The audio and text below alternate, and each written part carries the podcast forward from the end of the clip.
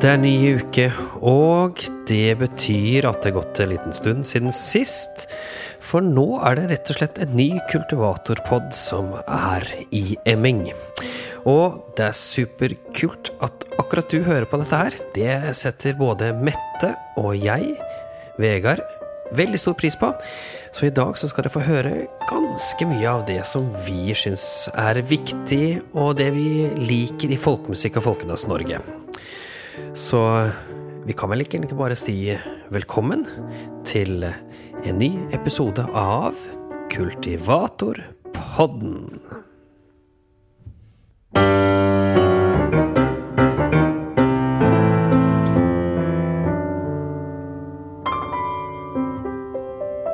Og nå tenker jeg du sitter litt ytterst på stolen, for ja, hva i verden skal vi snakke om i dag? Jeg har nemlig ikke snakket noe om det ennå. Og da kan jeg spørre min kjære kone, hvor er vi aller først? Hvor er vi nå? Du, nå sitter vi på Kampen og leiligheten vår i Oslo, og vi kommer eh, ganske så rett fra Voss, faktisk, der eh, både du og jeg har undervist studentene på Ole. Ja, og det er derfor dere hører den er litt eh, klangen i rommet. For her er det murbygning, og det er Kampen, og det er fjerde etasje, og det er litt peis i bakgrunnen. Da. Derfor litt annerledes lyd på oss i dag. Men min godeste kone, Ja. hva er det vi skal eh, snakke om i dag? Du, jeg har tenkt å snakke aldri så lite om det å være publikum. Og hvordan publikum oppfører seg, bør oppføre seg, og kanskje ikke burde oppføre seg. Nei, men rett og slett eh, publikum som en del av eh, forestillingen. For det har vi jo lært under pandemien, at det er jo ikke det samme å spille uten publikum som meg. Ja. ja, men det er kult. Det høres bra ut. Du, da? Du, jeg skal snakke om egentlig den eh, folkemusikken som ikke har noe særlig Altså som er stille, som er var, og som kanskje ikke har et dynamisk forløp, eller bare er, bare er der. Den skal jeg snakke om i dag. Det mest stillestående i folkemusikken. Ja, rett og slett. Ja. Men før det, Vegard, så har vi litt aktuelt. Ja, og det er jo slik at det er jo vi har fått flere meldinger på at de likte vår politiske ja, touch og brodd på Kultivatorpodden, så Ja. hva skjedde ute i verden? Nei, altså For 14 dager siden så innledet vi podkasten vår med å si at vi syntes det var skikkelig dust av Putin å planlegge å gå inn i Ukraina, men han gjorde det. Han hørte ikke på oss. Nei. Men eh, nei, spøk til side. Det er en eh, skikkelig alvorlig situasjon. Altså, det er tragiske bilder, det som skjer. Eh, Putin har ingen rett til å gå inn i Ukraina, og all støtte til det ukrainske folk. Ja, og det ser jeg at eh, det er mange folkemusikere og musikere generelt som eh, lager masse opprop til dette her. Og eh, det jeg har brukt litt av tiden min på siden sist, er å rett og slett høre på mye ukrainsk folkemusikk. Og det er mye bra der ute. Så søk det opp, og bli Benytt denne anledningen her til å bli litt bedre kjent med folkemusikken og folkedansen fra Ukraina. Ja, ja og det vil si altså det eh, Kultur har faktisk en viktig rolle å spille i situasjoner som dette her. Og det Jeg møter og leser av og til nå oppegående folk som jeg blir litt forskrekket over, som sier at målet vårt nå, det er å ta Putin. Og da tenker jeg nei. Det kan hende det er et middel på veien, men målet vårt nå er å skape fred og sørge for at vi faktisk kan leve godt som naboer i hele verden. Og da er kultur viktig. Ja, og da er det noen eh, som har kommet med et ganske godt forslag. Altså istedenfor å gi de i fronten, altså de som står helt først i krigens rekker, istedenfor å gi de geværer og sånt, så gi de heller et durspill. Rett og slett. Jeg syns det er helt genialt, det. Og så setter Ja. man seg ned og spiller litt, og kanskje Ja, nå har jeg en kampeleik ja, som jeg har lært fra Vågå også. Ja, sier han, men hør på den ukrainske lille saken her også. Og jeg tror det var for å skremme dem bort. Ja. Nei det er ikke det. Nei, Nei, nei, og, det, men, og jeg så på Det kan godt være det også, sikkert. Sikkert begge deler. ja. Og jeg så på nyhetene i dag en pianist som hadde tatt med seg flylet sitt og satt seg på grensa ved Polen, der det kom store flyktningstrømmer, og satt og spilte flyktninger velkommen. Og hvor det var da eh, flyktninger som ikke klarte å sette ord på det de hadde vært igjennom, men som satte seg ned på pianoet og spilte nydelig musikk. Og det er eh, ja. Ja, så Det vi vet, er at kultur hjelper i slike kriser som dette her. Det gir en trøst, og det gir en fellesskapsfølelse. Og det er også veldig gøy, ikke gøy, men det er bra at vi folkemusikere også viser eh, en slags sam... Ja, hva skal jeg si? Slektning med, med den folkemusikken vi har der også. At vi rett og slett ja, Ja. bryr seg om hverandre, da. Ja, og jeg tror jo det å være trygg på egen kultur, eh, og tørre å møte andres kultur uten å oppleve frykt, er kjempeviktig. Ja. Og Og musikk er jo det internasjonale språket som alle egentlig forstår. ja. Eh, og det var litt eh, ikke meningen, men det ble eh, på en måte en veldig fin overgang til det neste på Aktuelt. Og det Ja. er at vi har en internasjonal folkemusikkfestival her til lands. Har vi. Eh, som har vært veldig viktig i veldig mange år, og som nå søker etter ny direktør. Direktør, ja. For eh, det har vært et lite direktørskifte eh, som Ja, det varte ikke så mange år nå, men hvis dere har Kanskje fristen er ute, det veit jeg ikke. Men uansett, det blir veldig spennende å se. Fordi de som leder disse festivalene, de har ganske mye å si for festivalene, syns jeg. Nå er det jo Ja, for musikkutviklingen Ja, generelt. rett og Altså, slett. ja. Og hvordan man, Hvilken hvilke artister man tar inn, og hvordan man programmerer, og hvor nyskapende man skal være. Ja. Så jeg syns det, det er ganske bra at man kan skifte festivalledelse sånn Ikke for ofte, kanskje, men at man skifter av og til for å skape noe nytt innenfor eh, kulturen. da. ja. Så det er en eh, spennende stilling. Løp og søk hvis du kan tenke deg den jobben, og så skal vi nok følge opp og finne ut hvem som blir direktør. Ja.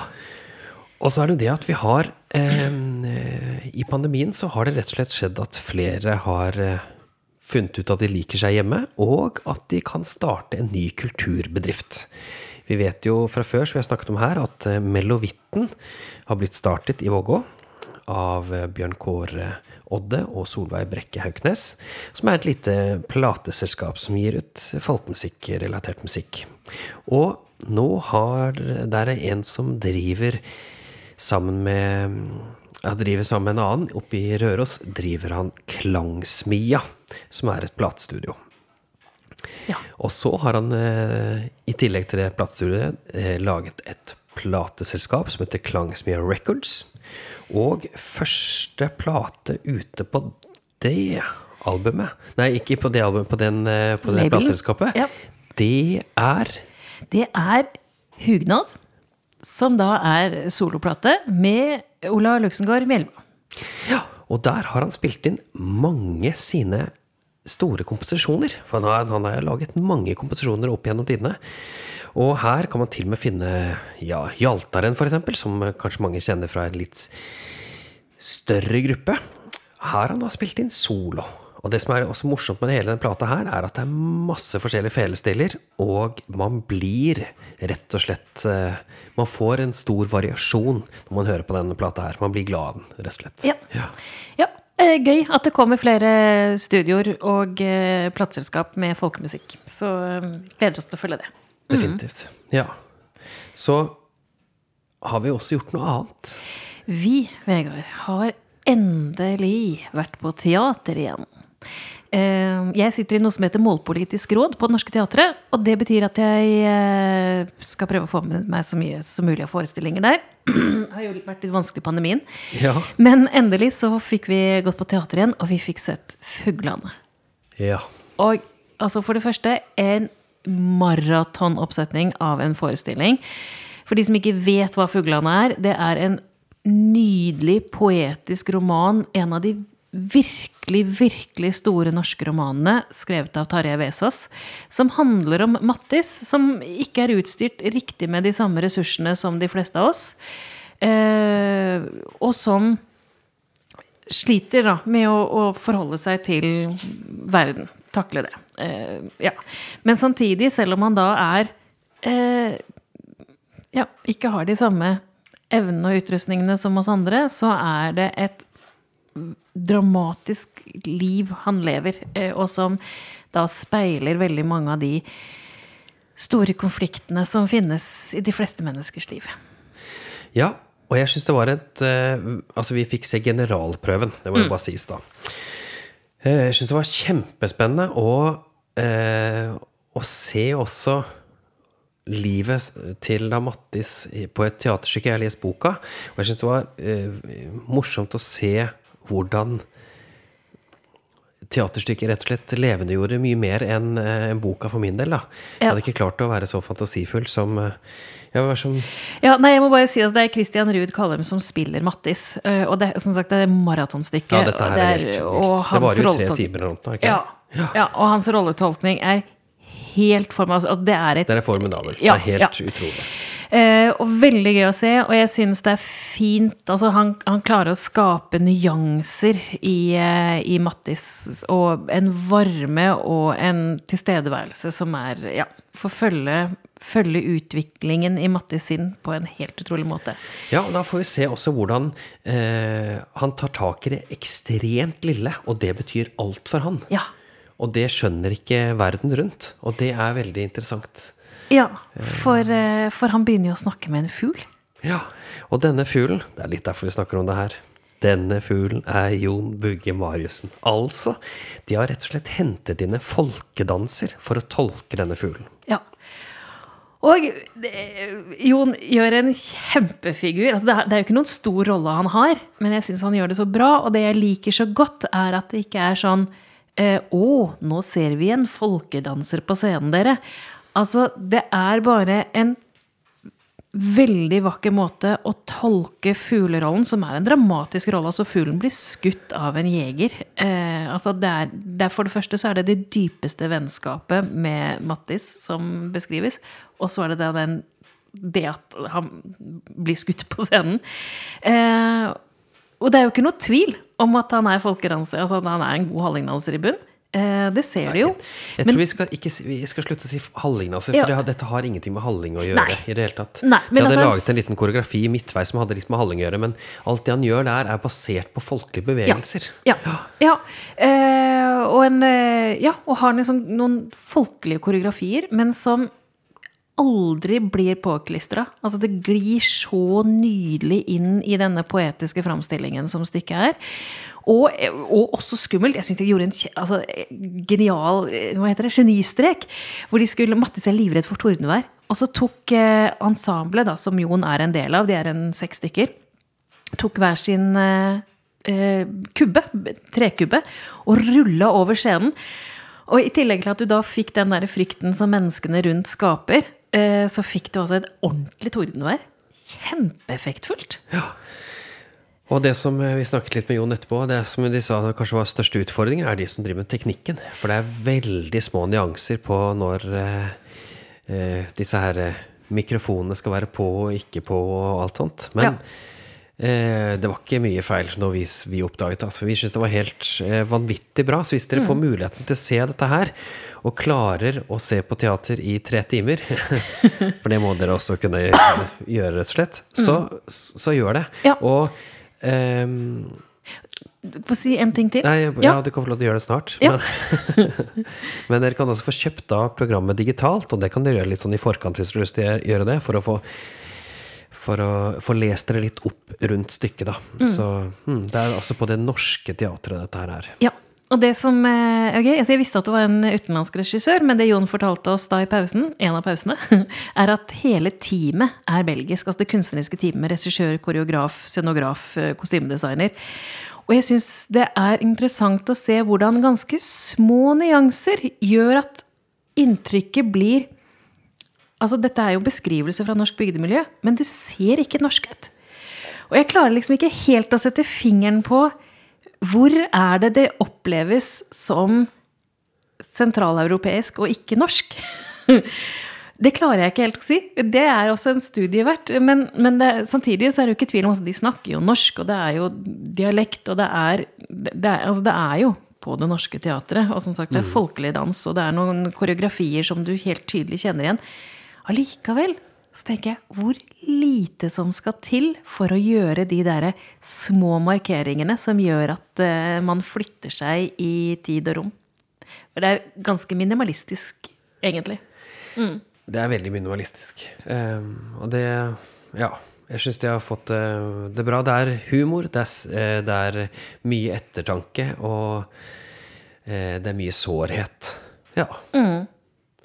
Men eh, ellers i livet så har det vel eh, vært greit, har det ikke det? Er det noe mer vi bør si på Aktuelt nå? Nei, jeg tror egentlig vi er klare for uh, temaet. Ja. Men uh, før tema, da vet dere hva som kommer. Da kommer det en jingle.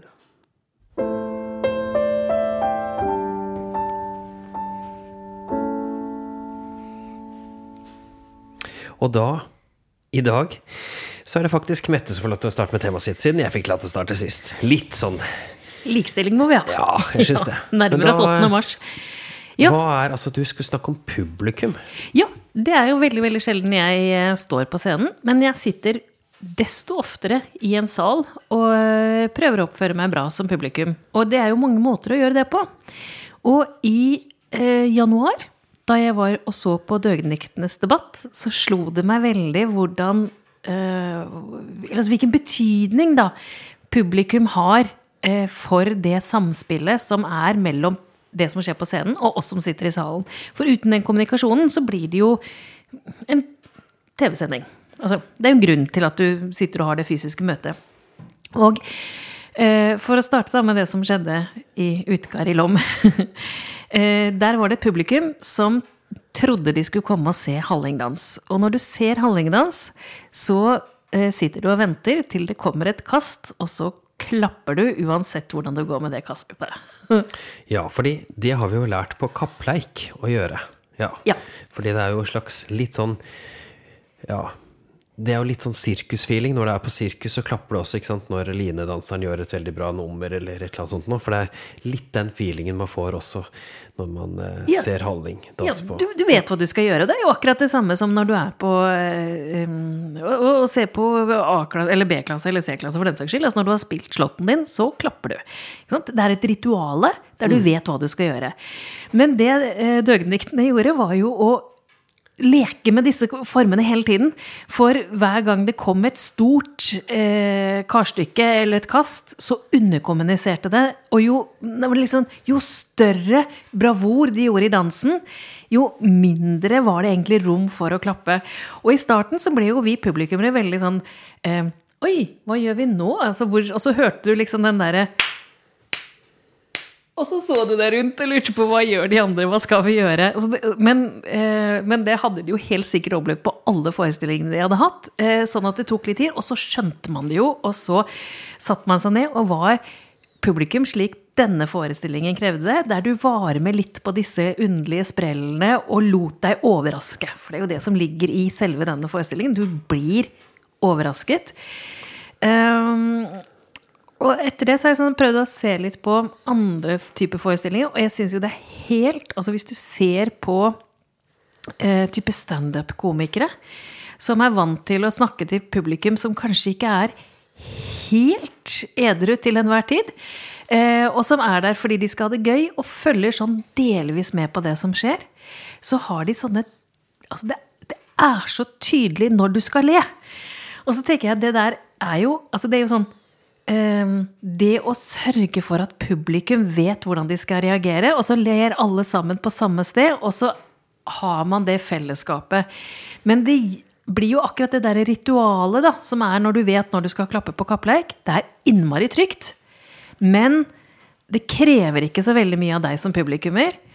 Og det krever kanskje ikke så innmari mye av den som står på scenen heller, fordi at du bare gir de rette tegnene, og så får du tilbake det du skal. Og så er det samspillet eh, et ritual som går av seg selv. Altså, når presten sier vi skal reise oss, så reiser vi oss. Altså, det, det, blir, litt- det blir litt kjedelig. Litt tamt. Um, så kan du jo også i de settingene være publikummer som er kjempeivrig. Altså jeg husker jeg var tenåring første gang jeg var i operaen, og du, du hører en arie som du vet altså nå er det et stort nummer.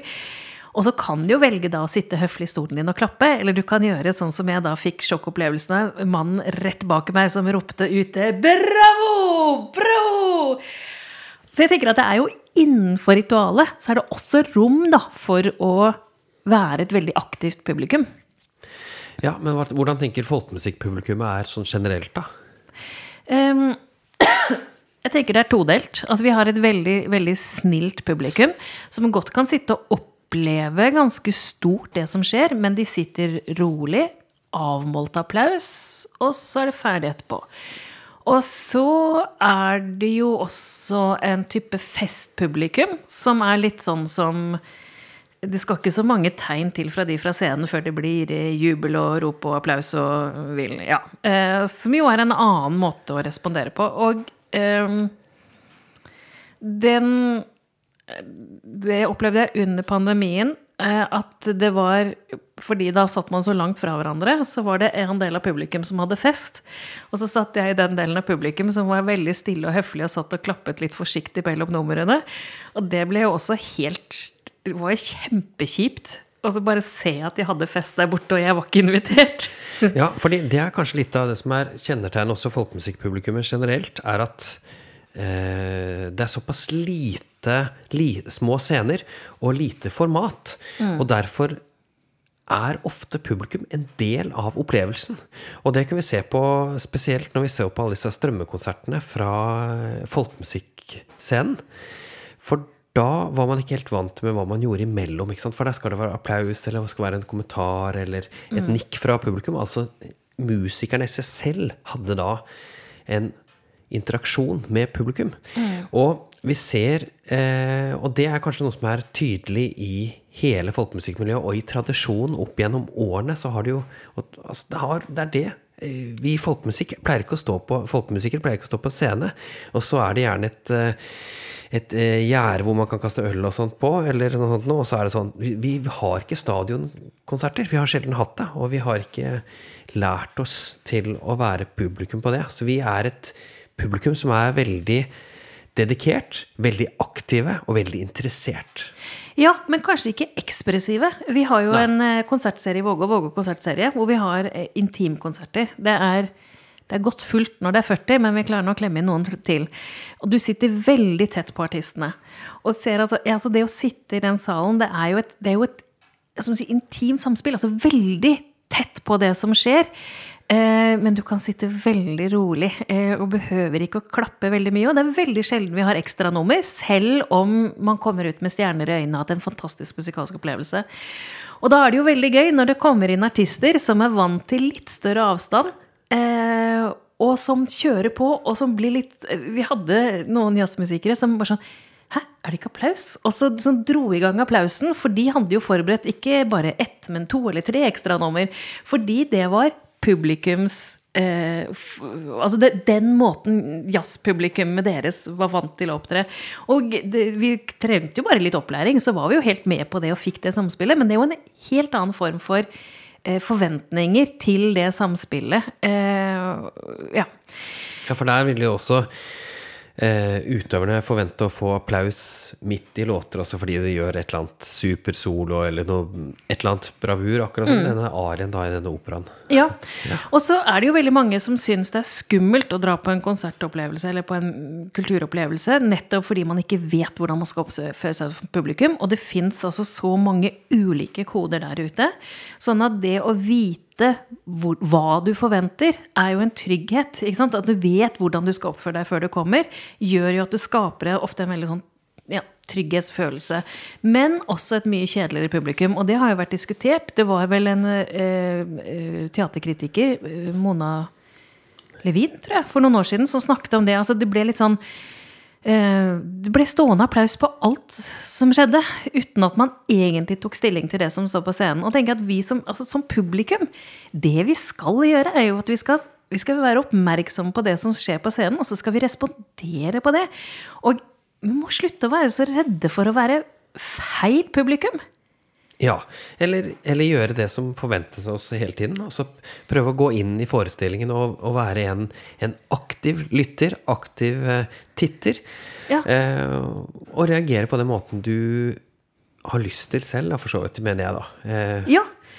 ja, og det å kose deg på konsert. Og det er jo derfor veldig mange liker godt disse tette eh, konsertene hvor du liksom sitter sånn at du skjønner hva naboen synes, og så kan du synes det samme, og så får du den der kjedereaksjonen som mener hele salen det samme. Og det er jo, jeg synes, det, Barack Obama sa jo det. Han likte veldig godt klassisk musikk, men han måtte alltid ha med seg Michelle Obama, fordi at han skjønte aldri når han skulle klappe. Eh, det er klart at du blir litt sånn sitter kanskje litt på utstilling når du er president i Amerika. Men jeg tenker at veldig mange trenger den veiledningen, da. Og, eh, og som publikummer så må vi også oppdra hverandre som publikummere. Jeg tenker altså Det å ha med seg folk som ikke er vant til å gå på eh, en type konsert Hvis du har en som ikke har vært på folkemusikkonsert før, da, så liksom vær litt raus, da. På å, på å uh, formidle den så, Ja, sånn kan du også være publikummer. Ja, for jeg mener nemlig ikke det at, at, skal, at alle vi folkemusikere skal bli som rockepublikummet, eller som jazzpublikummet, eller som eh, klassisk eh, musikkpublikummet. Det skal vi heller ikke bli. Vi må bare finne en måte som, som fungerer både for det utøveren som står på scenen, eh, gjør, og for det som vi er i salen, fungerer godt med. Ja. Og så Og da, og da det, vil jeg bare si at vi har jo mange festivaler som er eh, flinke til å dra og oppdra folk. Og til å dra opp folk, for den saks skyld. for å få god stemning.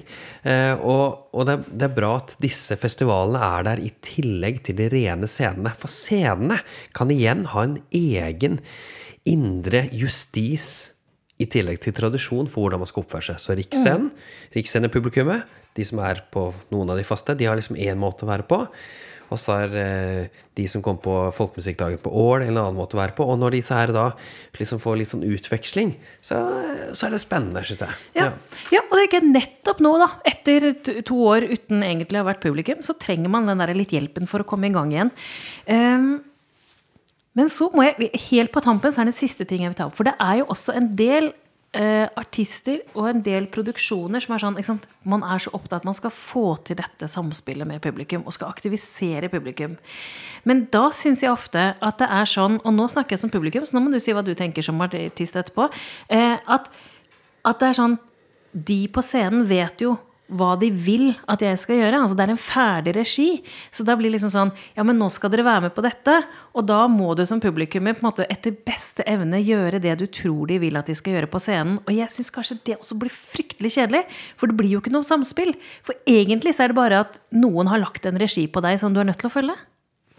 Og det er jo et problem. Eh, Jeg er, jo ikke, jeg er veldig dårlig på det. Men samtidig så er det noen som er veldig flinke på det. Storm Weathers Shanty Choir. De er kjempeflinke på det å aktivisere hele salen. Og da kommer det samme publikummet om igjen, om om igjen. Og reagerer på den samme måten, for de får det fellesskapet med de andre som reagerer på samme måten. Og der holder de oppe store bannere hvor, hvor skal, folk skal synge omkved ute i salen, og de skal si Hu! Og sånne ting. eh, og, og, og det skaper en, en, et fellesskap som da ikke en vanlig konsert som ikke har den, den, eh, den det samspillet med publikum, da. Så jeg, jeg skjønner at det er det, men da må man som publikum jo være litt sånn flinke til å oppsøke det man tåler, og det man har lyst til å gjøre, da. Ja, for jeg må tilstå at jeg er en sånn som når du liksom spør ja, kan vi få en frivillig, eller nå skal vi synge, eller nå skal vi dere være med på en dans, så stikker jeg bakerst i salen og gjemmer meg i mørket. Altså, for jeg liker det ikke. Eh, så det, det, det er jo en utfordring også, det å få det der til å faktisk være en behagelig opplevelse, da. Eh, og så er det jo noen artister som er innmari gode på å faktisk la publikum bestemme. Altså det å Ikke bare sånn Jeg har hørt noen som sier 'Å, nå ble jeg inspirert av dere', men jeg tenker det er sånn Ja, ja, det er gøy å få applaus. men det å faktisk eh, endre det man gjør ut fra hvordan publikum responderer, sånn at det blir et genuint samspill, der publikum ikke bare må reagere på det artisten gjør, men der du faktisk eh, er med og tar litt kontroll. Men det er jo kjempevanskelig. Ja, eller det, det er kjempevanskelig. Men jeg, kan, jeg må nevne én gang hvor vi i Rusk, under Løvli, Frode Haltli og jeg, gjorde det. Altså Da måtte vi reagere, så vi hadde ingen, ingen valg. Da spilte vi på en eh, festival i Viljandi. Eh, en utendørsfestival. Og så spilte vi, og så merker vi at det ble overskyet. Og så vi spilte noen vare, fine toner fra Finnskogen. Så ble det overskyet, og så plutselig så bøtta det nedpå noe enorme katter og hunder.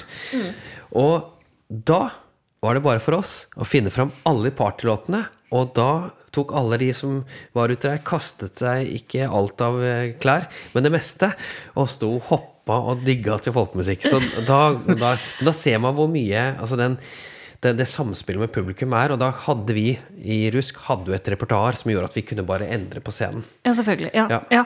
ja. Nei, men, men i hvert fall dette var liksom mitt eh, slag for det å være publikummer, og at man eh, er litt oppmerksom på det samspillet, da. For det må fungere eh, godt. Det må være behagelig å være publikummer. Du kan godt bli satt eh, sånn som vi ble da på Døgniktenes debatt, at du blir satt ut litt og skjønner at her må du reagere annerledes. Og du, som publikummer må du ikke være redd for å ta inn over deg det som skjer på scenen, for det er jo det som er meningen. Men hvis dette her bare blir et stivt 'nå gjør vi akkurat som vi har gjort bestandig', så stivner jo hele formidlingsformen. Så eh, Ja, ja. Så derfor må du, må du ta et aktivt valg selv. Eh, og du kan være med på det. Du kan være med å videreføre publikumstradisjonen, eller du kan være med å endre den litt. Så det er en oppfordring til alle dere som hører på podkasten nå, at dere neste gang dere er på en konsert, ta stilling. Dere er publikum. Dere er en del av konserten. Det er iallfall det vi har tradisjon, som, tradisjon for, vi som hører på og digger folkemusikk og folkedanskonserter.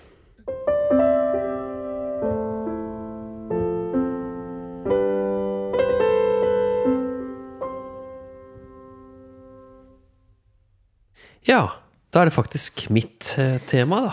ja, og nå skal det gå sakte. Nå vil jeg at dere skal finne fram det indre i dere og slappe av.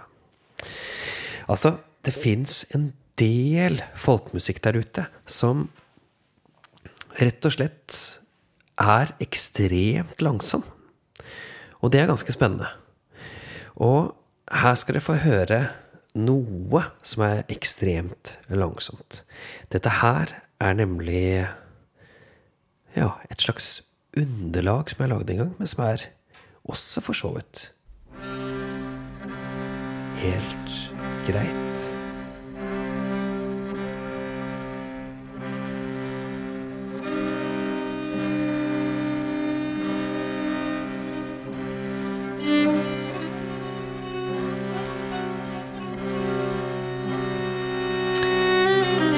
Ikke en pols her nå.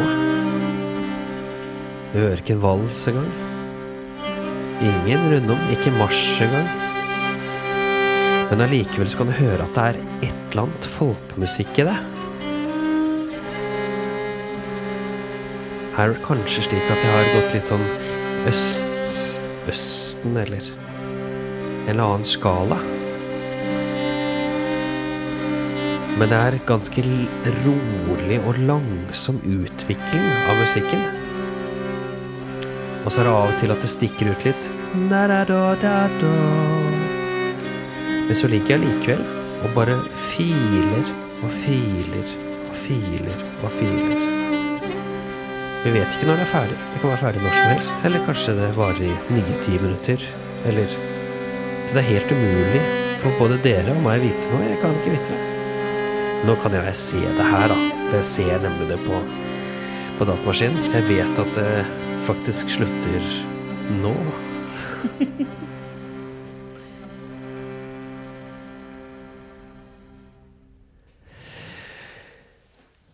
Ja. Og denne type Det er jo folkemusikk, det også. Altså den, Denne type plater er blitt mer og mer populært, eller kommer frem i den siste tiden. Vi har en gruppe som har drevet med dette her veldig lenge. Det er Slager med eh, Anne Hytta sånn i frontfigur som, eh, som fele, felespiller. Har- Hardingfele-spiller. Ja, Ja. Og som ø, snakker om musikken sin som meditativ musikk, og har hatt liggekonserter, altså der publikum har ligget på gulvet eh, og hørt på musikken. Eh, og, og har gjort det lavmælte til et varemerke. Ja, og så har de med seg en som spiller eh, vibrafon og glass. Det er Amund Sjøli Sveen. Og så har de med seg cello i tillegg til hardingfela som strykeinstrument. Og her er det Katrine Kjøtt som spiller det. Ikke, ikke her på den, det opptaket du hørte nå, men på en plate som de kommer ut med nå denne uken, som heter Linde. Eh, som kommer ut på Hubro.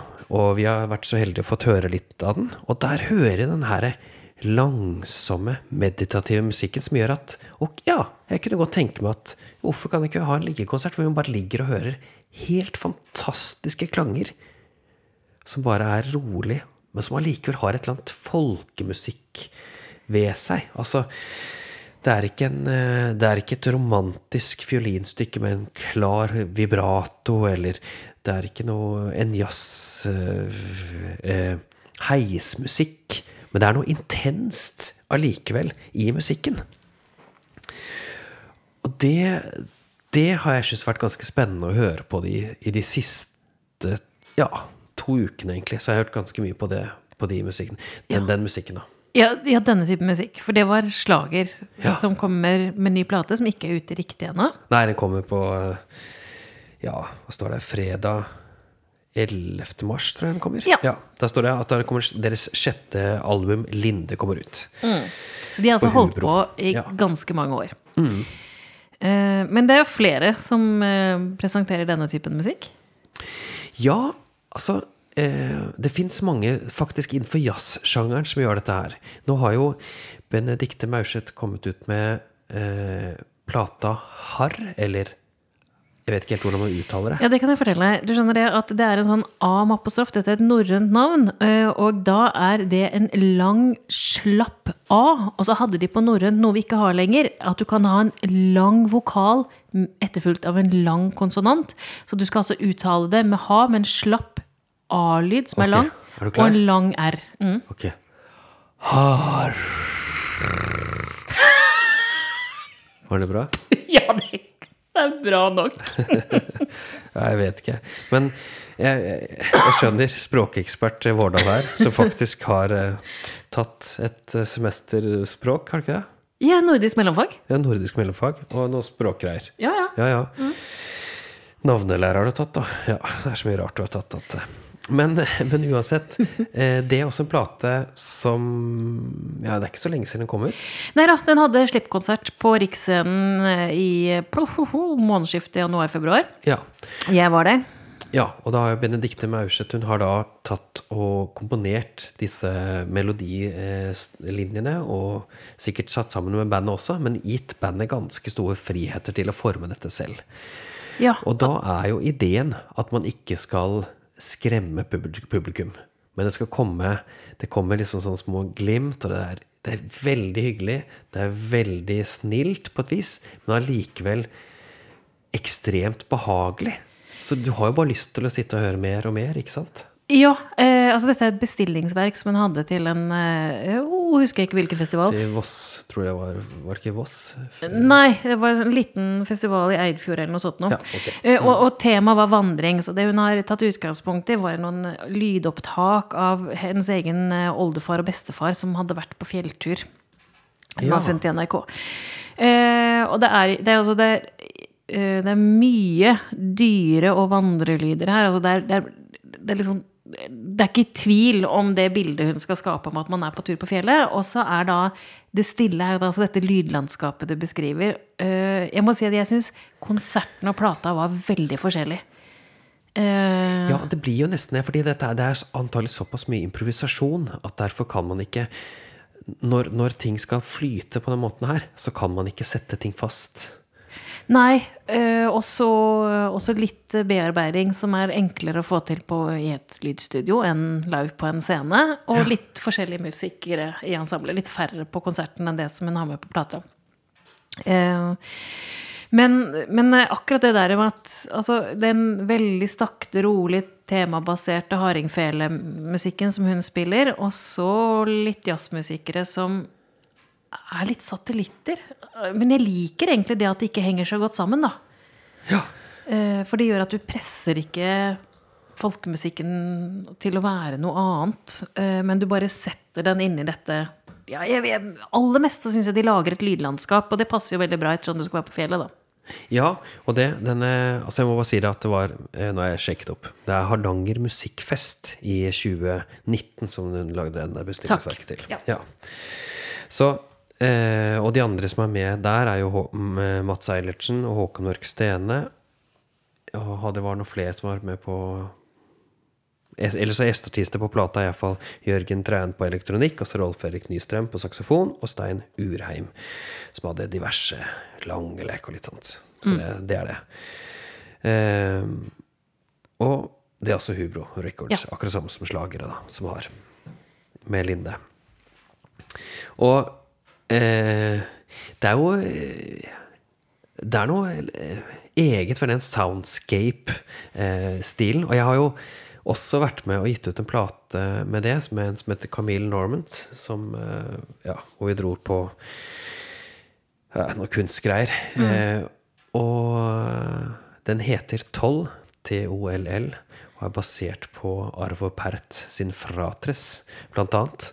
Og da går det altså ut på å holde en stemning og en intensitet lenger enn du forventer. Og det tenker jeg også er litt her også. Ja. Eh, men ikke sånn at det skal bli irriterende, men sånn at man tenker åh, ja, det var fint å høre det litt til. Jeg kan kanskje høre det enda et minutt til. Ja, ikke sant? Ja. ja, og jeg syns jo de delene av plata til Benedicte Maurseth er de beste. Det som kanskje jeg syns blir litt påtatt, det er jo alle disse lydkuttene og sauebjellene og fugleskrikene, altså naturlydene som De blir litt sånn insisterende på at nå er du på fjellet, og ikke tørre helt å la musikken skape stemningen i seg sjøl, da.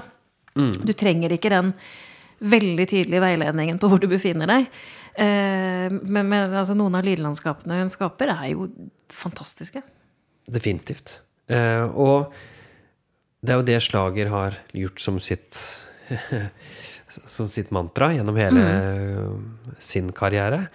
Og så fins det flere andre folkemusikere som har gjort dette her også. Eh, sånn opp igjennom. Men det som også er litt morsomt, er at nå begynner man å få Begynner man med støymusikk. Vet du hva det er? Ja, pling-plong. Nei. Nei, ok, det er noe annet. Ja, det er noe annet. For okay. støymusikk er også støy. Sånn sånn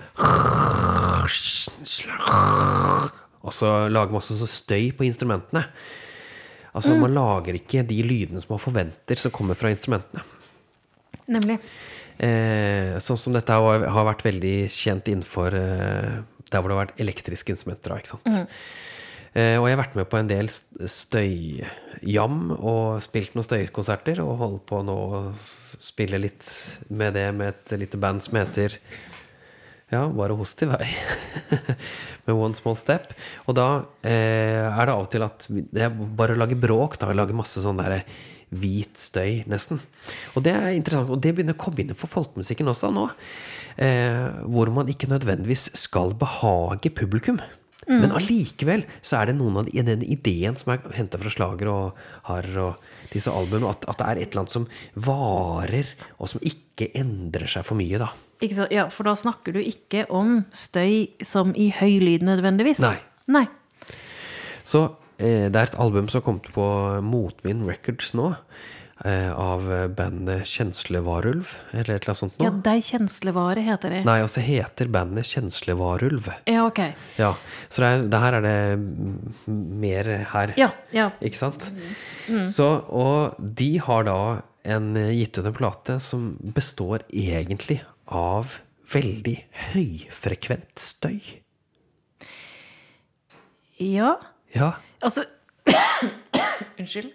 Ja, jeg, jeg har hørt den, og det, var, eh, det er en av låtene der som heter En liten vindgud. Og da eh, trodde jeg at Jeg hørte på den i bilen. Da trodde jeg vinduet mitt hadde satt, kommet opp. For det, var, det er jo bare vindstøy, på en måte. ja.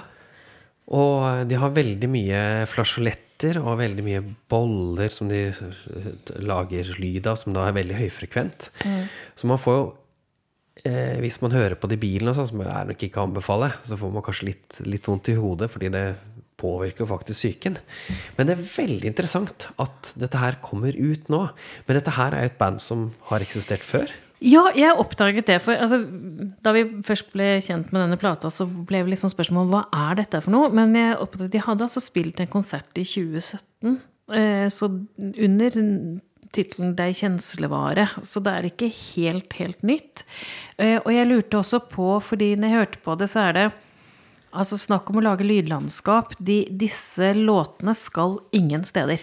Altså, det første eh, sporet på denne her eh, plata her heter 'Tilegg hulder, Fikk dei has på han', og så videre og så videre. Det er altså en, en låt som bruker kjempelang tid på å bygge opp en akkord.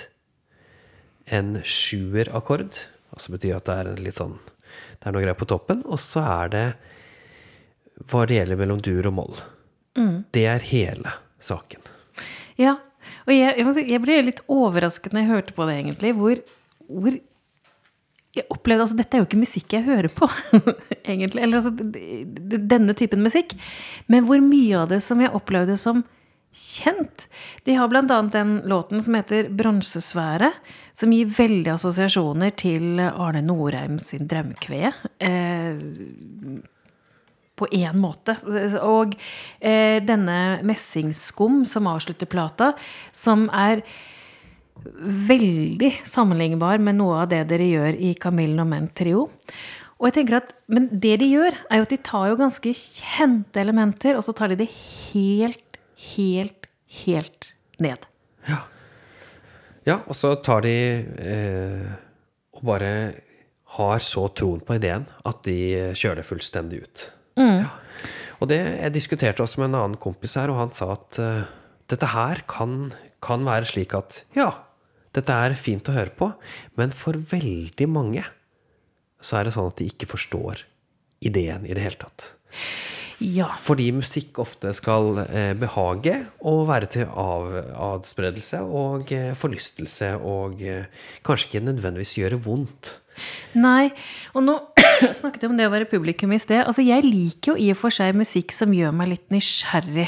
Eh, men samtidig så er det altså denne typen musikk har ofte opptrådt litt i Altså det er en type eh, sivilisasjons-samfunnskritikk i det.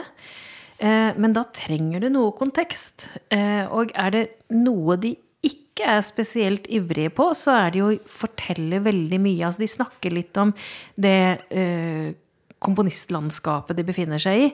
Men om de vil noe med musikken Og jeg syns det er veldig, veldig vanskelig å få ut av eh, liksom bare litt Jeg prøvde liksom i dag å tenke eh, Altså meningsinnhold, da, altså beveger det meg på noe vis?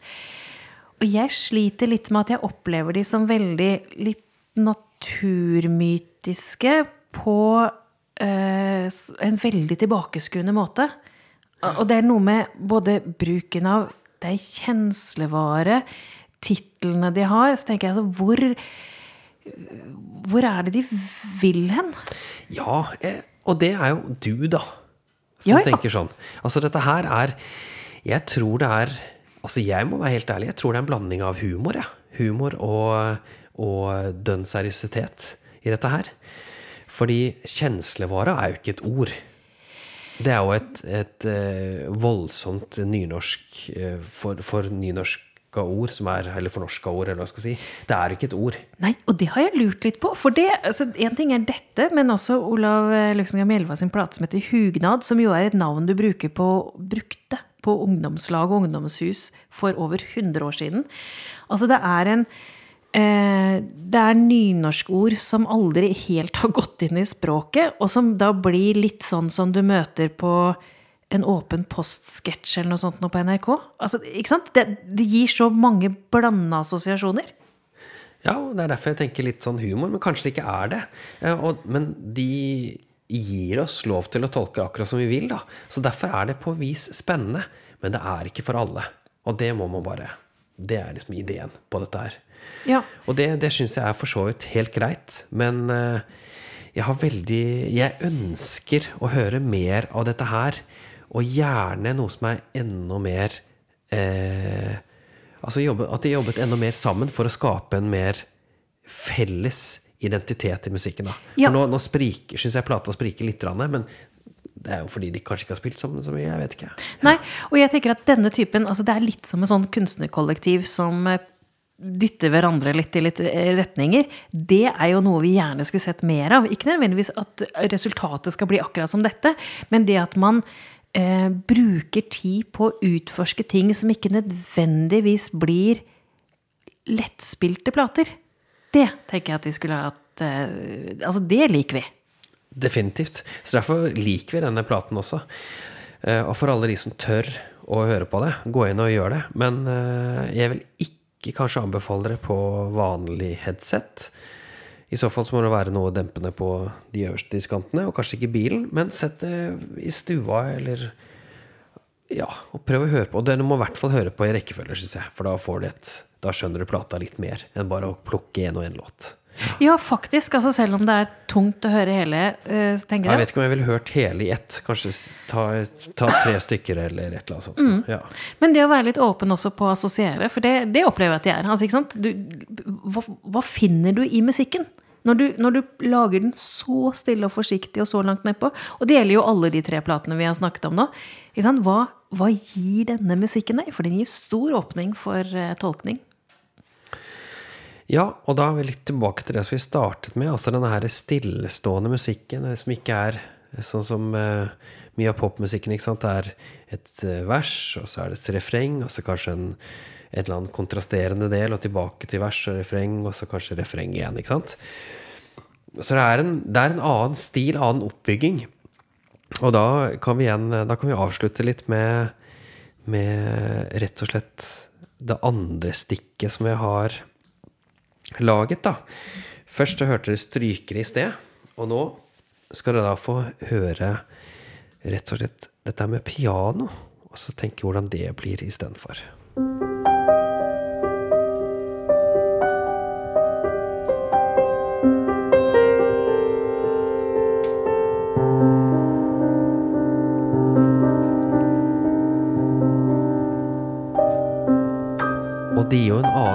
følelse, en annen smak enn strykere, som er mer, skal vi si Mer lik sangen, og mer, kanskje mer følelser. Her blir det mer kontant. Men allikevel er det bygd på akkurat det samme temaet. Og dette her kan jo bare fortsette og fortsette og fortsette og fortsette og fortsette. Og nå vet jo jeg at dette tar ganske lang tid, så vi skal faktisk ikke høre på hele. Men klarer dere å høre at det er folkemusikk?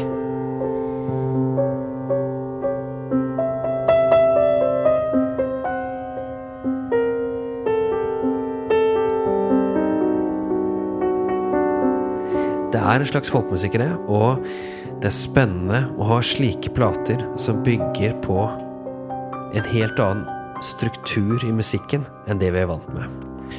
Så derfor ønsker jeg å høre mer av slike plater framover. Eller hva sier du, Mette? Definitivt. Jeg syns vi skal være mer altetende, åpne, ta imot. Men nå begynner vi faktisk å nærme oss slutten. Vi er igjen på en time, Mette. Ja, Men det er ikke vår skyld, det er bare fordi at det skjer så mye spennende der ute, og det kommer så mye god musikk vår vei, så fortsett med det. Vi prater gjerne om den. Send til Kultivatorpodden. Alfakrøll, kultivator.no. Eller sjekk oss på Facebook, eller send Mette en twittermelding Twitter-melding. Hun heter eh, Var... Hva heter hun der? Vardola.no. Vardola, ja. ja. Ikke .no. Det er bare Twitter. Nå får vi skjerpe deg. Der hørtes du plutselig 473 år gammel. ok, Men jeg er ung til sinns og tar imot det dere sender. det er jo definitivt. Så, eh, og hvis dere vil at vi skal ta opp noen andre temaer som dere har lyst til å, at vi skal snakke om, så gjør vi gjerne det. Dette her var bare kanskje litt to sære temaer i dag. Det var det kanskje, altså. Men ja. De tåler det. Dere tåler det, gjør de ikke det? Takk for i dag.